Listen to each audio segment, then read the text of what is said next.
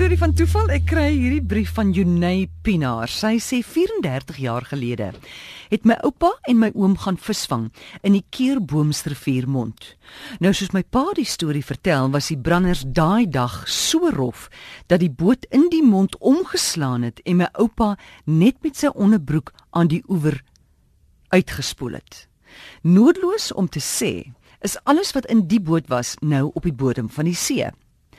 Nou ons gesin hou al die afgelope 20 jaar op die Keurboomsrivier vakansie en stap graag by die riviermond op soek na die skaars pansy skulpies wat soms daar uitspoel.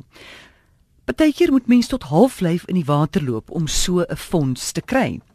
Nou die afgelope naweek is my ouers weer by Keurbooms en terwyl my pa visvang, soek my ma skulpies so halflyf in die water. Sy gewaar toe 'n blou spinner of kunsaas op die bodem. Toe sy buik om dit op te tel, kom sy agter dat dit nog vas is aan 'n stok, katrol en al wat onder die sand begrawe lê. Nadat sy en my pa die seesand en skulpies wat al op die stok vasgegroei het afgevee het, sien hulle my oom se voorletters op die visstok gegraveer. P Skuman. Dit staan vir Pieter Skuman. Ja, dis die einste visstok wat 34 jaar gelede van die boot afgeval het.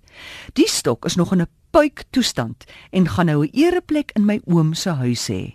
Nou hoe toevallig is dit?